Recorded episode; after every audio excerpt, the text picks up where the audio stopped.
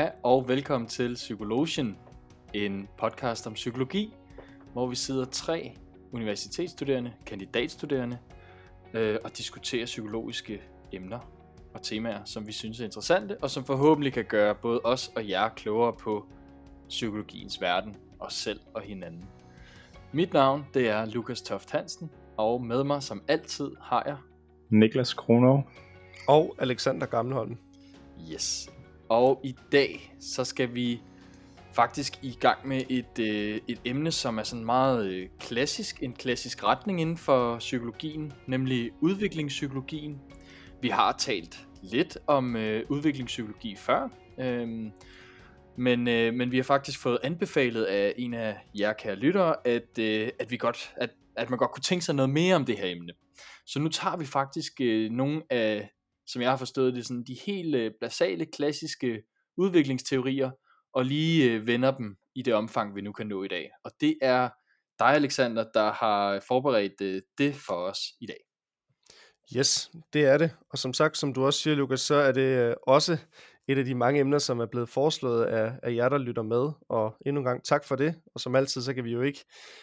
Vi tager alle emner med, men som vi også har, har nævnt tidligere, så, øh, så, så det er selvfølgelig ikke alle, som, som kommer med. Men, øh, men vi har dem in mind og tager det med videre, og, og tak for forslag.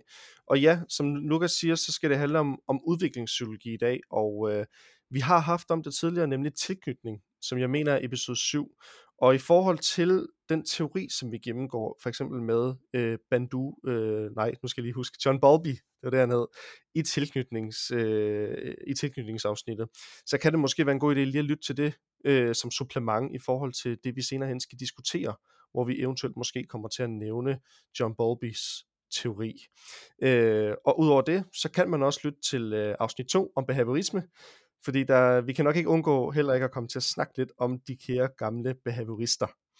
Øh, ellers så øh, er der ikke så meget tilbage andet end, at øh, vi øh, skal dykke ned i nogle forskellige udviklingspsykologiske teorier. Øh, og de første ja, del af, af, af episoden, så kommer jeg til at, at fremlægge lidt de her teorier her. Ikke dem alle sammen, for det kan vi ikke nå, og jeg kommer heller ikke til at uddybe fuldstændig alle teorierne. Øhm, de bliver nævnt, og der bliver overordnet nævnt omkring, hvad de står for, og hvis man så vil høre mere eller vide mere, så er man mere end velkommen til at, at søge på dem. Øhm, og så efter at vi lige har fået et overblik over nogle af de her ja, mest klassiske og kendte udviklingspsykologiske øh, teorier, så, øh, så diskuterer vi teorierne, sætter dem op mod hinanden. Hvad er det for nogle perspektiver, de kommer med, og, og hvad er det for nogle debatter, som de sætter gang i, i inden for udviklingspsykologi? Fordi selv øh, ja, til dags dato er psykologer ikke helt enige omkring, hvilke teorier, der rent faktisk øh, ja, fungerer, eller er, er mest up-to-date, eller hvad der passer i forhold til, til den virkelige verden, vi agerer i. Men så øh, udover det, ja, det var lige sådan en disclaimer for, hvad, hvad episoden skal handle om, så, øh, så vil jeg bare begynde. Og øh, til at starte med, så øh, kan man sige, at udviklingspsykologi, det er en videnskabelig tilgang, som har til formål at ligesom forklare, altså os mennesker, vores udvikling, øh, og hvordan altså den forandring og den øh, ja, udvikling, som vi gennemgår som mennesker igennem vores liv, fra når vi bliver født, og til vi bliver gamle, og så til sidst, ja, forsvinder hen. Øhm, og man kan sige, at man begyndte allerede i, i starten af 1900-tallet at kigge på børns udvikling og begynder at kalde det, altså forske i det. Øh, men i forhold til, hvornår udviklingspsykologi kom frem som, som ord, så kan vi faktisk allerede spore det tilbage til år 1882, da Wilhelm Prayer, som var en tysk filo, øh, hvad hedder det, fysiolog, øh, udgav bogen med titlen The Mind of the Child. Og i den her bog, der prøver han simpelthen at beskrive sin egen datter fra fødslen til to og et halvt år. Øh, og øh, det var ligesom det, der startede ligesom hele studiet omkring det her med, med udviklingspsykologi, og at der faktisk, øh, at, at, ja, at der er noget omkring børn og, og, og senere hen også voksne, og hvordan vi udvikler os, og det kan man, det kan man, øh, det kan man studere, og det er der rigtig mange ting, vi kan lære af at studere omkring den måde, vi så agerer på. Øhm, men man kan sige, at i løbet af 1900-tallet og starten, der er det så, at de her tre nøgle, øh, hvad hedder det, øh, forfattere eller, eller, eller forskere kommer ind i billedet, nemlig Jean Piaget, Lev Vygotsky og John Bowlby. Der er også mange andre, men det er ligesom dem, der, der starter det. Øhm, og faktisk så, øh, så meget af den nuværende forskning, som fortsat bliver, der bliver forsket i omkring udviklingspsykologi, det, øh, det bygger på de her tre teoretikere. Øhm, så hvis vi skal starte et sted i forhold til de her teorier, som vi har, så, øh, ja, så kan man sige, så kommer vi nok ikke udenom, at øh, vi skal tilbage til god gamle Freud. Øh, og meget kan man sige om Freud, men han øh, udviklede altså også en, en teori omkring øh, udviklingspsykologi. Og det kaldte han for den psykoseksuelle udvikling. Og øh, man kan sige, ifølge Freud, så, øh, så, de her, så inddeler han ligesom menneskets udvikling i fem faser. Og det øh, er de fem faser, som man kalder for den orale fase, den anale fase, faliske fase, den latente fase og den genitale fase. Og det som ligesom er, jeg kommer ikke til at fuldstændig gennemgå alle de her fem faser, men det der ligesom er det essentielle i Freuds teori, det er, at de her faser her, de har fokus på forskellige, ja, hvad skal man sige på dansk, fornøjelsesområder i kroppen, øh, eller libido, altså seksuel energi. Øh, og under hvert trin, der støder barnet på en konflikt, som ligesom spiller en væsentlig rolle for udviklingsforløbet. Så for eksempel den første fase, som er den orale fase, som er fra når vi bliver født til vi er omkring et år, der, øh, der er den erogene zone munden. Altså vi, øh, det er ligesom den, der sanser. Det, altså vi, vi, vi smager på ting, sutter på ting, vi finder ud af, at vi skal bruge munden til at få, få modersmælk fra, fra moren, og så videre, og så videre. Øhm, og så, når vi så, hvis vi tager det næste stadie, som er den anale øh, fase, så er det, så siger man, det spænder fra omkring etårsalderen til omkring treårsalderen, hvor den eugene zone så er øh, ja, anus, øh, eller det anale, som øh, i forhold til, at barnet lærer at ligesom finde ud af, at der er nogle ting, som kommer ind, men der er også nogle ting, som skal ud igen, og der har vi det, ja, der har vi, øh, det, hvad hedder det, øh, den anale eugene zone i forhold til at pottetræning og lære at gå på toilettet og tisse og, og andre ting. Øhm, og som sagt, så handler det ligesom om, at hvis man skal, hvad hedder det, de, den her seksuelle energi, den var fokuseret på de her eugene zoner på bestemte stadier. Det vil sige, at ting, som måske manglede, hvis man ikke lærte at pottetræne rigtigt, eller man ikke lærte at bruge munden korrekt, eller der ligesom var nogle ting, man, man ikke fik opfyldt korrekt i den her fase, så kunne det senere resultere i øh, en dysfunktion senere hen i, i udviklingen, når man blev ældre. Øh, fordi som det som Freud jo øh, ligesom elsker, det er, eller det som han står for, det er det her med, at alting kan jo spores tilbage til barndommen. Alt det vi oplever senere hen som voksne. Godt. Øhm, men der var sådan set også nogen, som så derefter mente, at altså Freud mener jo, at, at det meste af ens udvikling ligesom sker fra man er 0, og så til man er 5 år. Der er nogle af faserne, som, som også gennemgår i forhold til det her med pubertet, og som gennemgår i forhold til efterpubertet. Men det, som han ligesom lægger vægt på, det er, at, at vi stort set har formet vores personlighed fra når vi bliver født og til vi er 5 år. Det var der så en anden teoretiker ved navn Erik Eriksen, som sagde, ah, det kan altså ikke helt passe.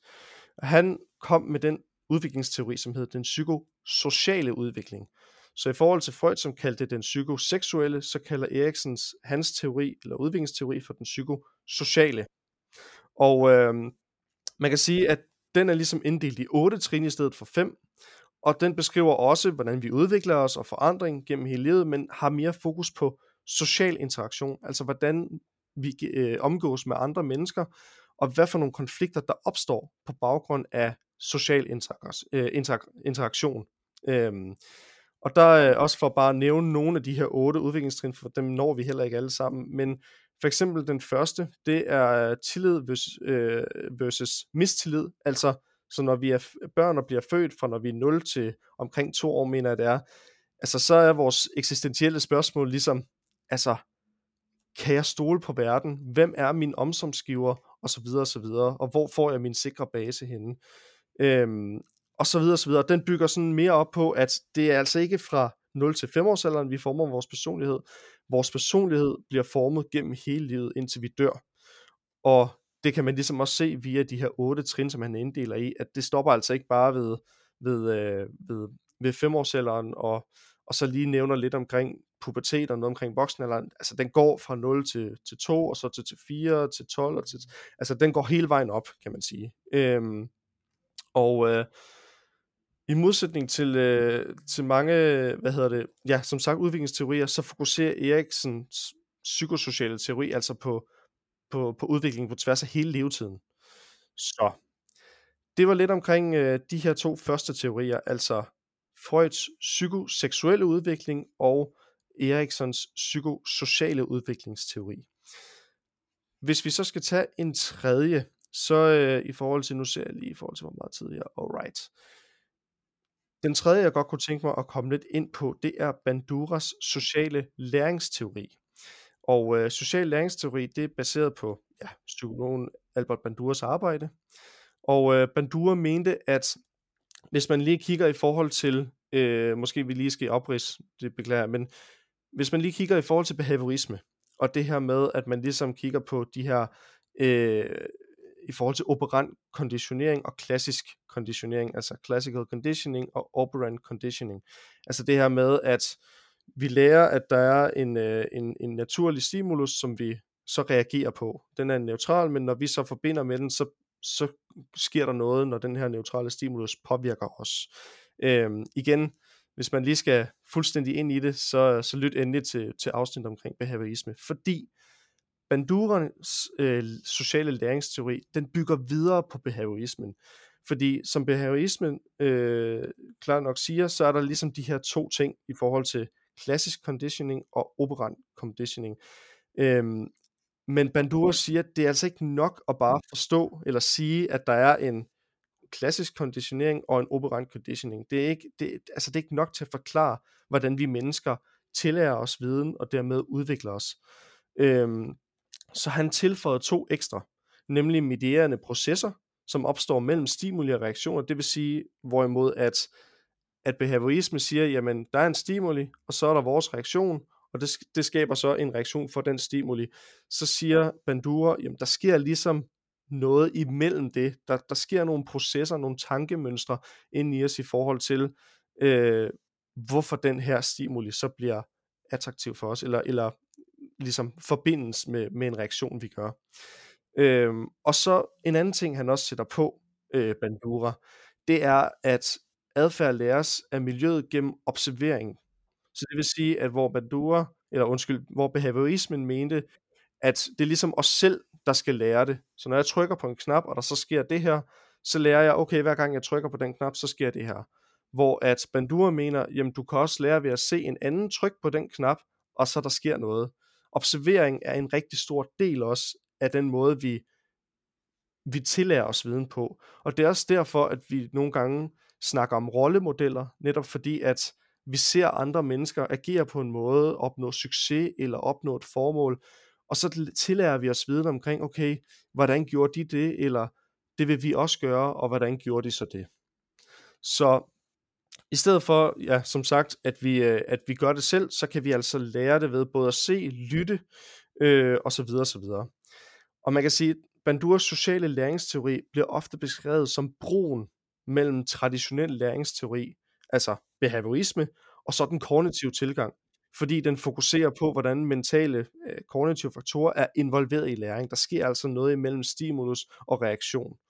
Øhm, yes. Godt. Øhm, nu skal jeg lige prøve at se her. Jo, jeg ser lige, hvad tiden siger. Yes. En, øh, en anden, og nok øh, den sidste, vi når, måske når vi en mere, men ellers så den, den øh, ja, en, en teori, jeg godt kunne tænke mig også at have med en mere, det er Lev Vygotskis sociokulturelle teori.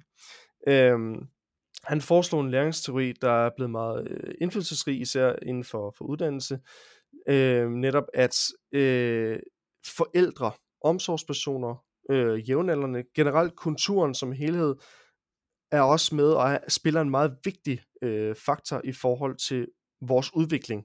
Øhm, og øh, han mener også, ligesom øh, Bandura, at det ligesom er det sociale og ligesom interaktionen mellem, øh, hvad hedder det nu, øh, mellem os og så andre, der ligesom gør, at vi, vi udvikler os. Og ved at interagere med, med andre, så bliver vi, øh, så bliver vi ligesom gjort klogere på verden, og hvordan man skal agere. Øh, og det er også ligesom her, at man i hans teori introducerer begrebet, som er meget kendt inden for psykologien, nemlig zonen for proximal udvikling, som er den her kløft mellem, hvad en person kan gøre med hjælp, og hvad en person kan gøre på egen hånd. Og det er ligesom med hjælp af den her, de her andre mennesker, kyndige mennesker, altså omsorgsgiver, øh, forældre osv., at, øh, at vi gradvist er i stand til at lære og øge vores færdigheder og forståelse og læring, og dermed blive bedre og bedre. Derved så øger vi også vores zone of proximal øh, development, altså zone for proximal udvikling. Yes, jeg prøver lige at se tiden, fordi jeg kunne egentlig godt tænke mig, at vi også nåede Piaget i forhold til... Vi Masser af tid, du snakker bare. I forhold til det, yes. Fordi så skal vi jo lige have den kognitive tilgang med. Den er jo, den er jo ret vigtig også. Øhm, hvis vi tager, øh, du skal se her, Piagets kognitiv udviklingsteori, så kan man sige, at hans teori ligger meget vægt på tankeprocesser. Altså det her med, hvordan vores, eller de her tankeprocesser påvirker, hvordan vi forstår og lærer omkring verden. Så øh, han foreslog altså en, en teori omkring kognitiv udvikling. Øh, og den søger at forklare udviklingen af tankeprocesserne og de her mentale tilstande. Øh, det kigger også på, hvordan de her tankeprocesser påvirker den måde, vi forstår og interagerer med, med verden på. Øh, og der, øh, for lige at bare nævne de her, der inddelte han det igen i fire forskellige faser, hvor at der for eksempel er den sensori-motoriske fase, som er en periode mellem fødsel og to år, hvor et spædbarns viden om, om verden ligesom er begrænset til hans eller hendes sanseopfattelse. Altså det er vores sanser og, og motoriske aktiviteter, der ligesom, der ligesom spiller øh, ind her.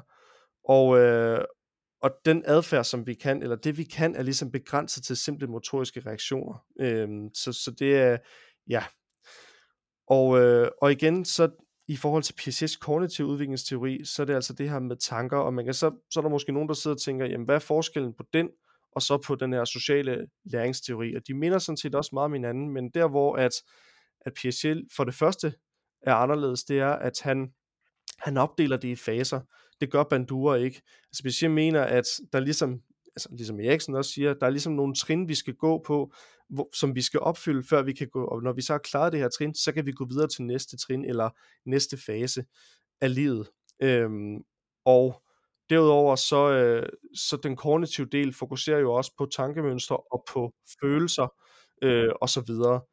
Det, det er ikke noget, som, som Banduras lærings, øh, social læringsteori lægger vægt på. Så det er bare lige for nogenlunde at skille i forhold til, hvad er det helt forskellen er. Yes, og øh, nogle af dem, som, øh, som jeg så ikke har nævnt, men som også spiller en rolle, det er for eksempel Bolbys øh, tilknytningsstile. Øh, og der må jeg bare sige igen, lyt til podcasten Tilknytning, for ligesom at få en, øh, ja, en, en dybere forståelse af, hvad er det hans teori øh, ligesom går ud på. Kort fortalt, så er det jo, at vi tilknytter os mennesker, og det er det, der gør, at vi, vi kan udvikle os, plus at den form for tilknytning, vi gør med andre mennesker, har en betydning for senere hen i livet, hvordan vi så agerer. Øhm, og derudover så er der selvfølgelig også, som sagt, som jeg har nævnt før, øh, den adfærdsmæssige udviklingsteori, altså behavioristisk tilgang til det, som jo er meget det her med, at vi er født med en blank tavle, og vi øh, fungerer ligesom ved, at der er en stimuli, og så er der en, øh, og så er der vores respons, og det skaber så en, en, øh, en stimuli-respons-effekt for os. Godt. Det var sådan nogenlunde. Øh, jeg håber, at alle kunne følge med, øh, fordi det var mange teorier, og det var overordnet. Men det der som sagt også er meningen med det her oplæg, det er, at nu har vi sådan snakket lidt omkring teorierne, hvad de står for. Det vigtige er egentlig at sætte op, hvad kan vi bruge dem til i dag, og hvad er det for nogle perspektiver, de hver især øh, ja, står for. Og øh, med det, så vil jeg faktisk øh, smide bolden over til jer, også så jeg lige kan få en, en tår vand. men, øh, men til at starte med, inden vi lige går ind fuldstændig i debatter, så kan jeg jo starte med at spørge jer, hvad tænker I omkring nogle af de her teorier? Er der nogen, som er mere brugbare end andre? Er der nogen, som I bedre kan lide end andre? Og hvorfor eventuelt? Ja, altså først og fremmest, øh, Alex, så vil, jeg, øh, så vil jeg gerne lige rose dig for at øh, nå stort set alle udviklingsteorier i psykologien på så kort tid.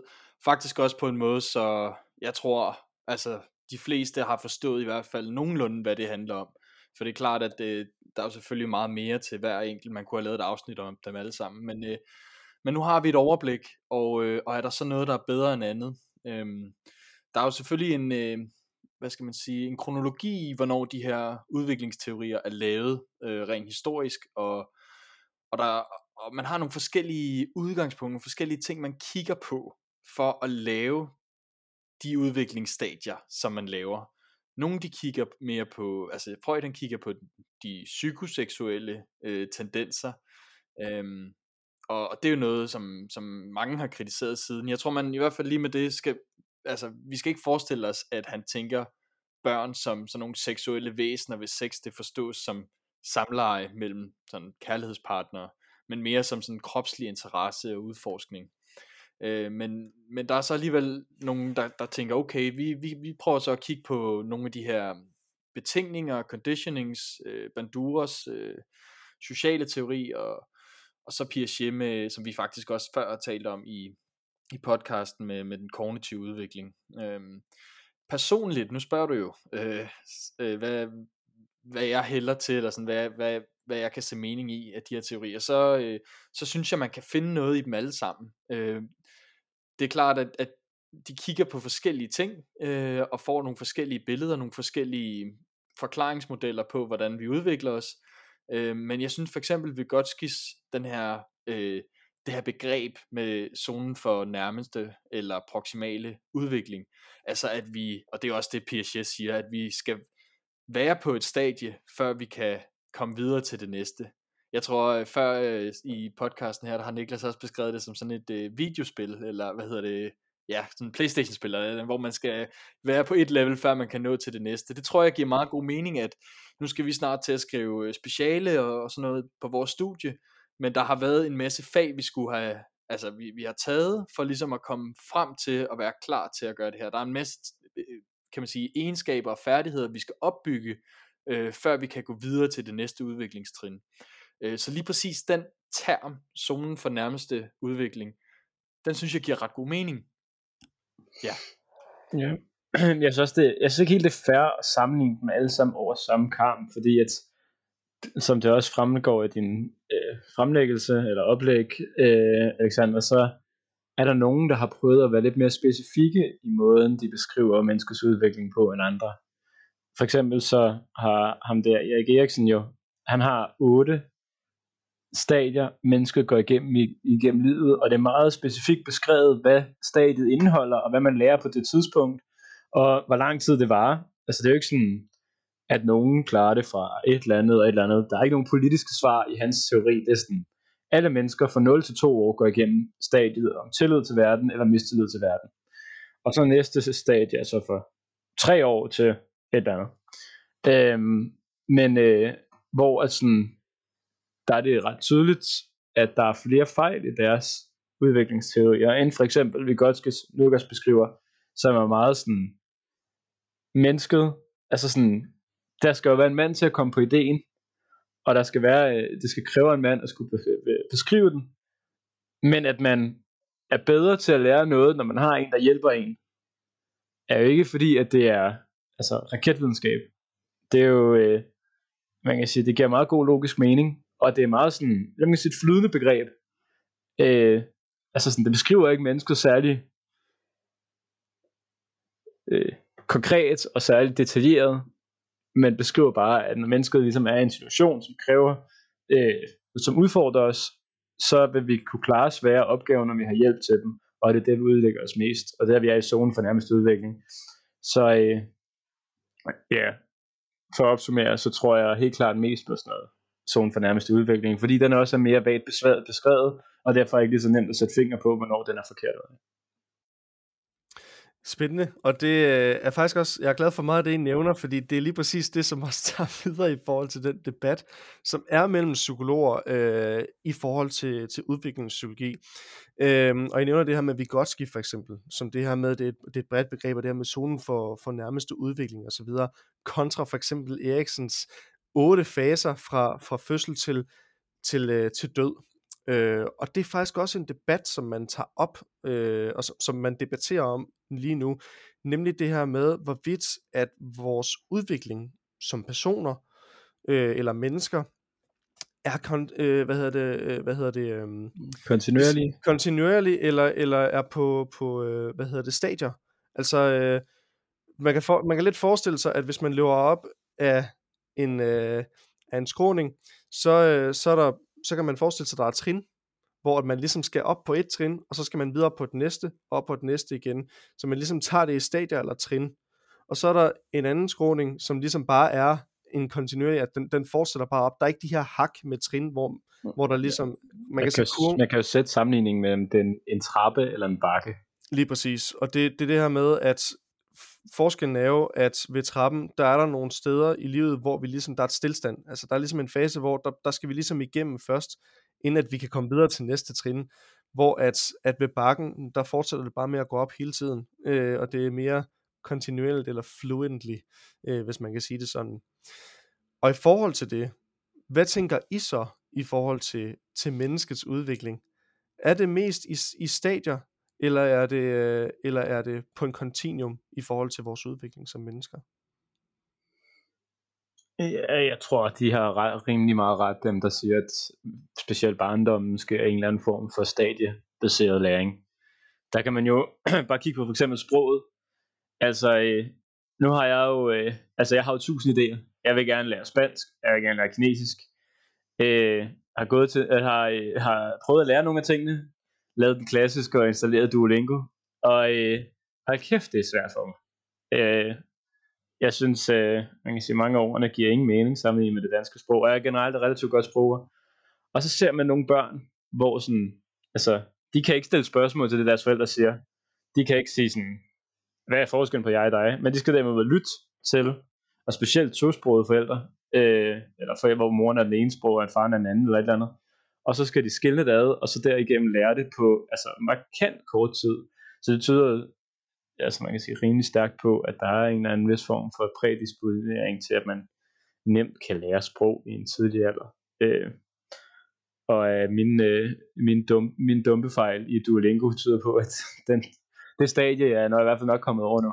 Øh, og sådan synes jeg, der er mange ting. Altså, øh, jeg har aldrig hørt et, øh, et barn sidde og jeg kan sige, der er nogle lidt mere fysiske ting, som interesserer barnet i barndommen, tror jeg, end øh, senere hen. Altså, jeg tror ikke, at et barn er så interesseret i, hvad det var, hvad det siger at leve demokrati, hvorimod jeg tror, at et barn er rimelig interesseret i, hvad det siger at slå, og også nogle ting, altså sådan, hvad kræver det, og hvad må man gerne, og sådan nogle ting.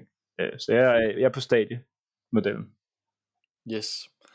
Øh, ja, altså ingen tvivl om, at børn de har et, øh, ja, et stort potentiale for læring øh, per definition. Altså man, vi fødes med det antal neuroner, stort set, som vi kommer til at have. Vi, vi laver meget få nye hjerneceller i løbet af vores liv. Øh, så, mm, så alt det, det, er her... jo synd, det er jo synd for mange, der ligesom Ja, ja, fået spildt, spildt nogle af dem på Det er det. diverse byture og ja. fodboldkampe og hvad man ellers kan. Øh. Og, og det tragiske det er, det lærer man jo først, når man bliver gammel nok til at forstå det. Men øh, det er jo Ja. det, du lige har snakket om. Det her netværk af neuroner og så videre, det skal jo opbygges og, og udvikles på en eller anden måde. Jeg tror ikke, at man kan sige øh, helt fast, at en af de her udviklingsteorier, du har fremlagt, Alexander, øh, er lige præcis den rigtige. For jeg tror, der findes forskellige baner at følge. Der findes forskellige kontekstuelle faktorer, altså i miljøet, som påvirker os. Der findes også forskellige dispositioner genetisk, det har vi snakket om før, blandt andet autisme, som jo er en udviklingsforstyrrelse, der gør, at mennesker med den her lidelse har lidt ekstra svært ved at udvikle nogle særlige egenskaber og kompetencer. Øh, jeg kan også godt tilslutte mig det her med, at der er stadier, men det er også for mig lidt ligesom at sige, øh, hvis jeg for eksempel har fødselsdag, så er der nogen, der spørger, øh, hvad, kan du mærke, du er blevet et år ældre? Og det kan man jo ikke på dagen. Man, kan, man ligger sig jo ikke til at sove, og så lige pludselig så er man blevet et år ældre dagen efter, og så ved man meget mere. Øh, så det er jo klart, det kommer jo også kontinuerligt. Øh, så det, det vil jeg alligevel argumentere for, at vi, vi godt kan se det på den måde. Men det er klart, øh, hos børn, der sker der simpelthen så meget i ens udvikling, at vi godt kan se nogle af de her stadier, og putte nogle ting lidt ned i kasser og sige, på det her tidspunkt, så skal vi have, så, så er det det her dilemma, barnet står i. Og, det, og Freud han ville så mene, at det var noget med en eller anden erogen zone, og Øh, Eriksen vil måske mene, at, øh, at det var et eller andet eksistentielt dilemma, for eksempel tillid over for mistillid. Øhm, og det er igen lidt tilbage til, det er lidt hvad man kigger på, øh, så, så jeg vil hverken give et ja eller nej svar, sådan helt præcis på det, men jeg, men jeg vil egentlig øh, tilslutte mig lidt at sige, at, at det kan også godt være lidt en bakke, altså lidt en kontinuerlig udvikling selvfølgelig. Ja, altså jeg må sige, for lige at give et input til den, så, så tror jeg at lidt, at det, jeg tror, at den lidt ligger lidt ligesom i, for eksempel øh, den øh, kognitive del, som beskriver, at der er ligesom et stadie, man er i, og så inden for det stadie kan man bevæge sig kontinuerligt op og ned. Øh, og det gælder specielt i barndommen, at man sådan, hvad kan man sige, man består ikke stadiet, eller består ikke stadiet. Du kan i en vis grad udfylde din, man kan sige, evner inden for en vis øh, del af det her sted, du nu er på. Og, øh, og så kan man se, og så er der en disposition i et vis alder, hvor man kan lære meget af det, men jeg synes ikke, der er mange ting, der jeg ikke tror stopper med, altså man kan jo godt lære sprog, når man er ældre, man kan godt lære sociale regler, når man bliver ældre, men der er mange ting, der er lidt nemmere, når man er barn. Øhm, og det ligger jo lidt op af det her med, at øh, ens neuroner ligesom er lidt frit tilgængelige. Der er hele, hele holdet er ikke blevet besat nu. Første og anden jeg har ikke fået lov til at vælge dem alle sammen. Der er ligesom, øh, man kan ligesom nå, nå, ud til, nå ud til de ting, der man træner på det tidspunkt. Mm. Jamen altså, det er jo nogle sindssygt gode øh, diskussioner, I sætter i gang. Og øh, nu havde jeg egentlig et spørgsmål, jeg ville stille jer, men så fik jeg lige lyst til at stille jer et andet også. Nu må vi se, hvor meget af det vi når, men øh, det er jo som altid sindssygt spændende, når vi er i psykologien. Vi kan jo næsten ikke få nok af alle de diskussioner, vi har. Men, øh, vi, kan, men, ja, vi kan i hvert fald godt høre, lide hinanden snakke. Ja, det, det, også, der kan jeg er med på den. Ja, ja, det må de jo, det må de jo indfinde sig med. Nej, men, men det, det, jeg kommer til at tænke på, fordi jeg er meget enig i noget af det. Jeg tror, min egen holdning også vil være, at der er ting, som, som vi kan dele ind i stadier i forhold til, også det her med især i, i den tidlige alder, i forhold til, hvor nemt vi har ved at lære det osv. Øhm, men omvendt, så er der nogle ting, som I begge to også siger, som stadigvæk er muligt at lære igennem hele livet. Øhm, igen, det handler så bare om, jamen, hvor let er det så at lære. Og i, i forbindelse med det, i forbindelse, hvis vi siger i forhold til stadier, så kan man sige, et, et, en ting, hvis vi skal tage det i forhold til, til hverdagseksempler, jamen så det her med generelt, altså så bliver forældre jo også hele tiden indsporet på, jamen i den her alder skal din baby kunne det her, i den her alder skal din baby kunne det her, i den her alder skal dit barn kunne det her, øh, og de skal veje sådan cirka sådan og sådan, og de skal gøre sådan her på det her tidspunkt, osv. osv. Altså der er rigtig mange, øh, hvad, hvad, hvad siger man, øh, ikke fremgangsmåder, men, men øh, guides, guides og milepæle til, øh, hvor skal dit barn være hen i den her udvikling? Øh, er det sådan, at vi så skal også skal se det på i forhold til stadier, at hvis vi ikke opfylder de her stadier og så videre, altså at vi som forældre så måske skal blive bekymrede for vores børn i forhold til, at vi lige præcis ikke har opfyldt det på, det her, på den her milepæl? Det kan være, at det er et ledende spørgsmål, det ved jeg ikke, om det er. Nu, jeg spørger faktisk bare i forhold til, øh, ja, hvad I tænker om det i forhold til de her guides, der bliver lavet, for det, det gør der jo i forhold til, til sundhedsvæsenet og sygeplejersker og jordmøder og alt sådan noget, i forhold til, hvor skal dit barn være henne i forhold til, til den alder og den udvikling, den er i. Skal vi være meget opse som forældre på det, i forhold til det? Ja, yeah, det er jo et godt spørgsmål. Det handler selvfølgelig om graden af, øh, hvor langt efter, kan man sige, dit barn er, eller hvor langt foran. Øh, det, det, er jo, det er jo det, at spørgsmålet går jo også lidt på, øh, kan man, kan man springe, altså er der nogle ting, du kan udvikle bedre egentlig, end du skal kunne, eller, samtidig med at du udvikler nogle ting, altså du er underudviklet på andre områder, øh, og er det okay, og hvordan skal vi holde øje med det? Der har vi jo heldigvis, øh, som du nævner, sundhedsplejersker og, og øh, psykologer og den slags, der ligesom kan hjælpe med at understøtte nogle af de ting, hvor vi kan se, at øh, for eksempel hvis vi har en forsinket sprogudvikling, øh, så mener jeg, at det er være i hvert fald at, øh, at forholdsvis hurtigt i hvert fald sætte ind. Øh, det er jo ikke sådan, at øh, når, når det er uge et eller andet, eller måned et eller andet, eller år et eller andet, og der ikke er sket lige præcis et eller andet lille udviklingstrin, at man så skal blive meget bekymret.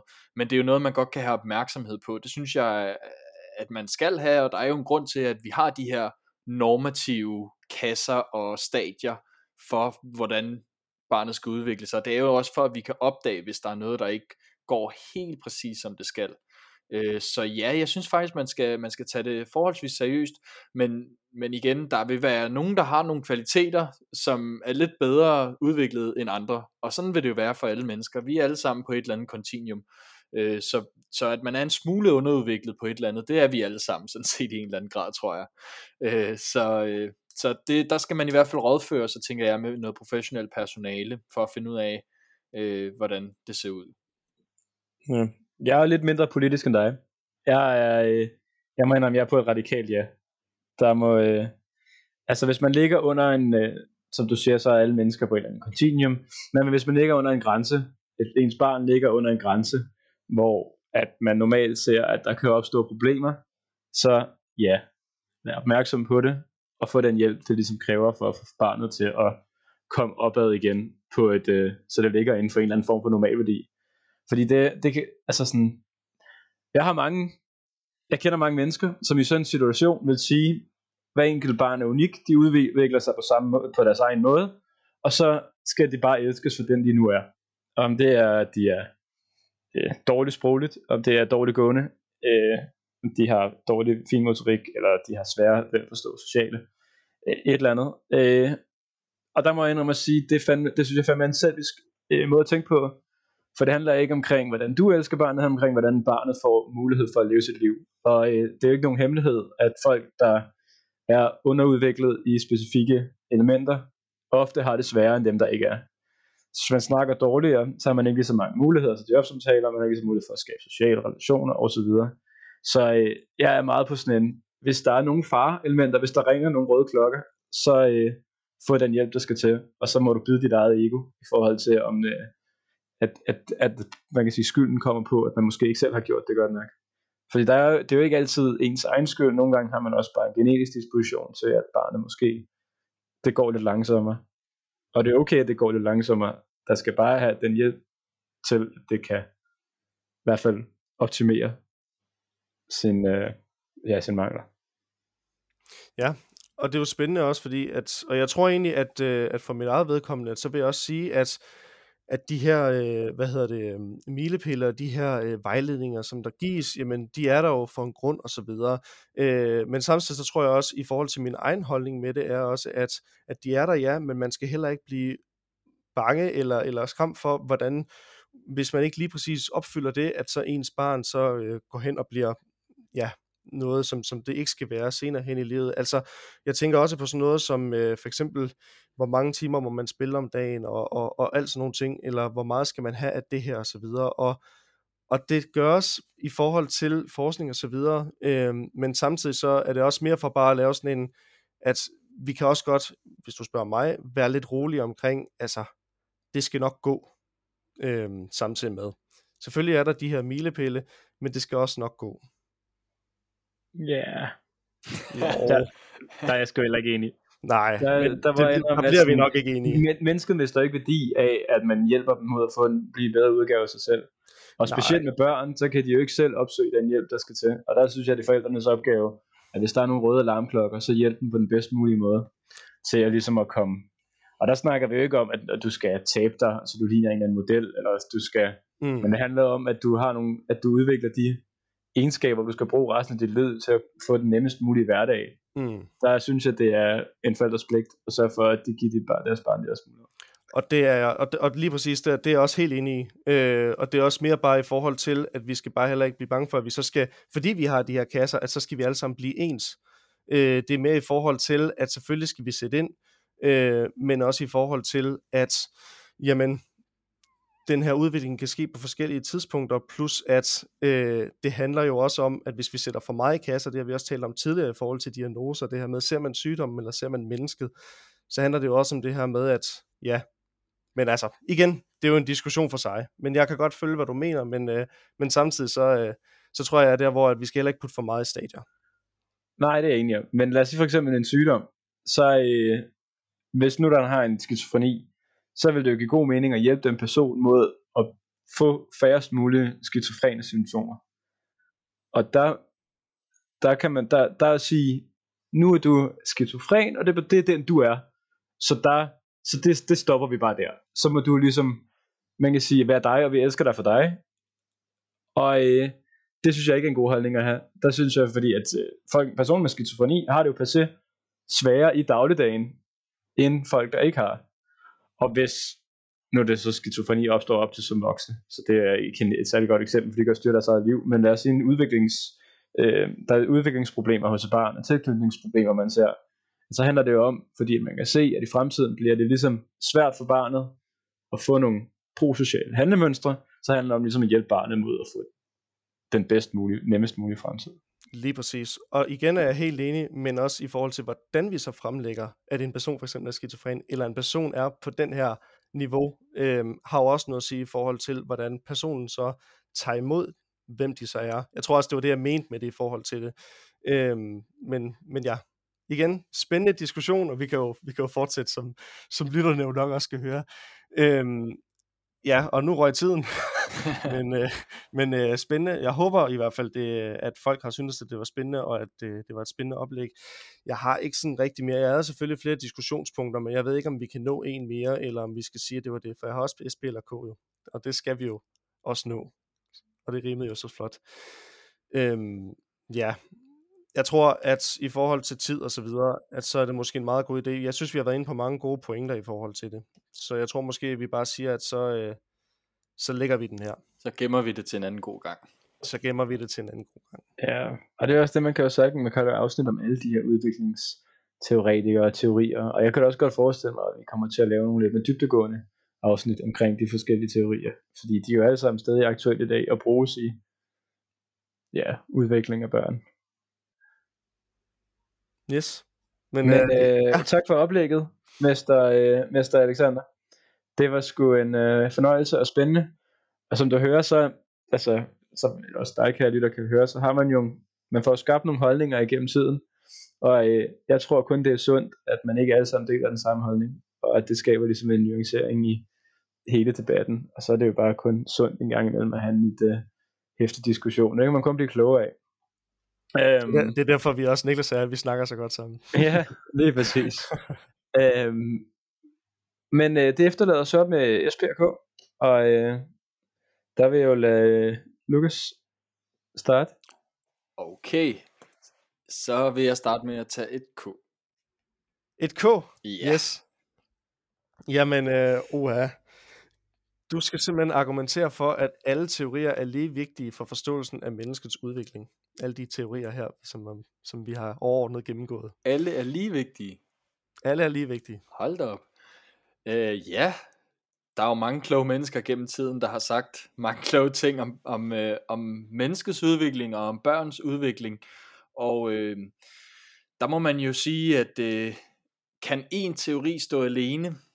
Mm, ja, måske, men, men kan den suppleres af de andre måske en gang imellem? Det tror jeg måske godt, den kan. Øh, det kan være, at man skal overveje at, at kigge øh, på flere forskellige udviklingsteorier, flere forskellige udviklingsstadier og opfattelser af, hvordan øh, vi udvikles. Også så vi undgår, at, at det skal blive, øh, at der skal være præcis en rigtig måde at se udvikling på. Øh, fordi vi er forskellige, og vi udvikler os også forskelligt. Øhm, så derfor så, øh, så synes jeg, man skal, man skal have en eller anden viden, i hvert fald som fagperson, om, om alle de her udviklingsteorier. Og så kan man selvfølgelig have sine præferencer, men, øh, men som sådan, så, så tror jeg, at de kan supplere hinanden øh, ret godt. Ja, ja, tak for det. Ja. Super. Jamen, øhm, så når vi egentlig til mig. Jeg tror, jeg tager P. P, yes. Jo, ja, ja, og der var det jo godt, fordi at nu nåede vi ikke så meget. Vi har sådan set også diskuteret den her debat lidt meget, øh, så det, det går nok, at jeg stiller dig spørgsmål alligevel. Men hvor mange procent sætter du på arv, og hvor mange procent på miljø inden for udviklingsteori? Så du har altså fra 1 til 100 procent, så skal du så dele dem op i forhold til den, ikke? med den klassiske arv-miljø. Så bliver det afgjort. En gang for alle. Ja. ja. Altså jeg er jo... Øh Okay, fordi jeg har lidt svært, jeg sidder, sidder lidt og kæmper med, at sådan, jeg synes meget ligger i forældrenes vold i forhold til at sætte nogle klare grænser for, hvad der er god og det dårlige opførsel hos børn. Men der er kræftet med også nogle børn, der bare er pissirriterende, som umuligt kan have været forældrenes skyld. men øh, Det var jeg et shout-out til forældrene. øh, så øh, altså jeg tror, jeg tror måske en 60 60-40 på genetik. Man har en disposition, men det er ligesom ens miljøets opgave at tænde og slukke øh, for de øh, handlemønstre, som øh, man kan sige, gør om en gør os til dem, vi er.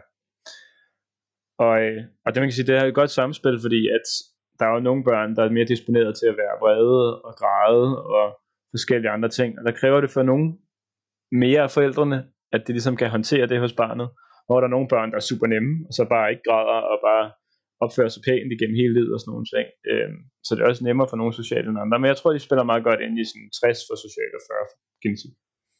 Mm. Godt svar. Tak. Ja. Og det efterlader så til sidst med dig, Mr. Alexander. Yes. Jamen, øh, så skal jeg jo svare på mit eget sandheds-S-spørgsmål, som er, nævn mindst tre af de teorier, vi har gennemgået i dag. For satan. Ja, så skal vi lige tage hele oplægget igen? Nej.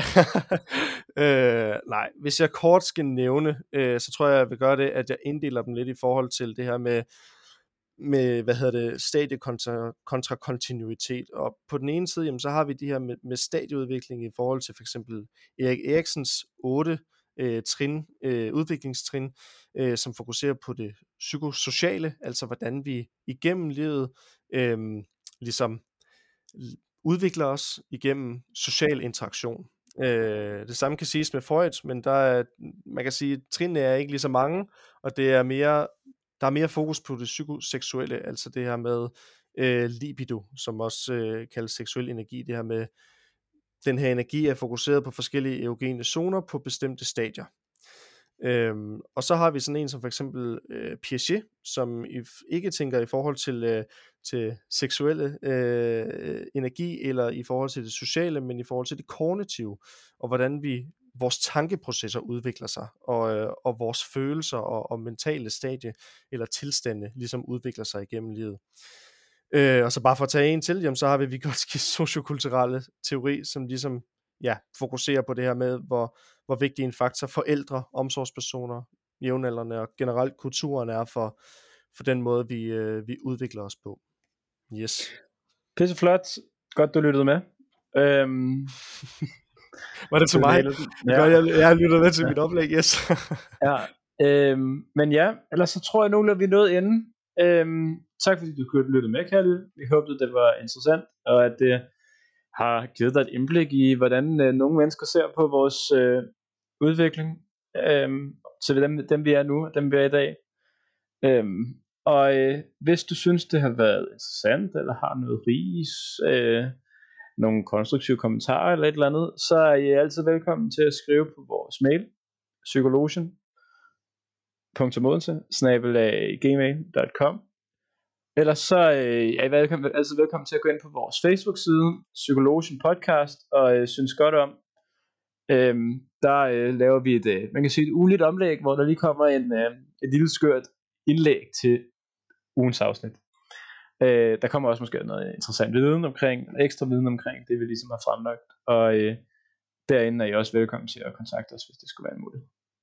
Og ellers så skal vi, ja, jeg skal sige uh, tak til den person, som uh, skrev ind angående dagens emne igen.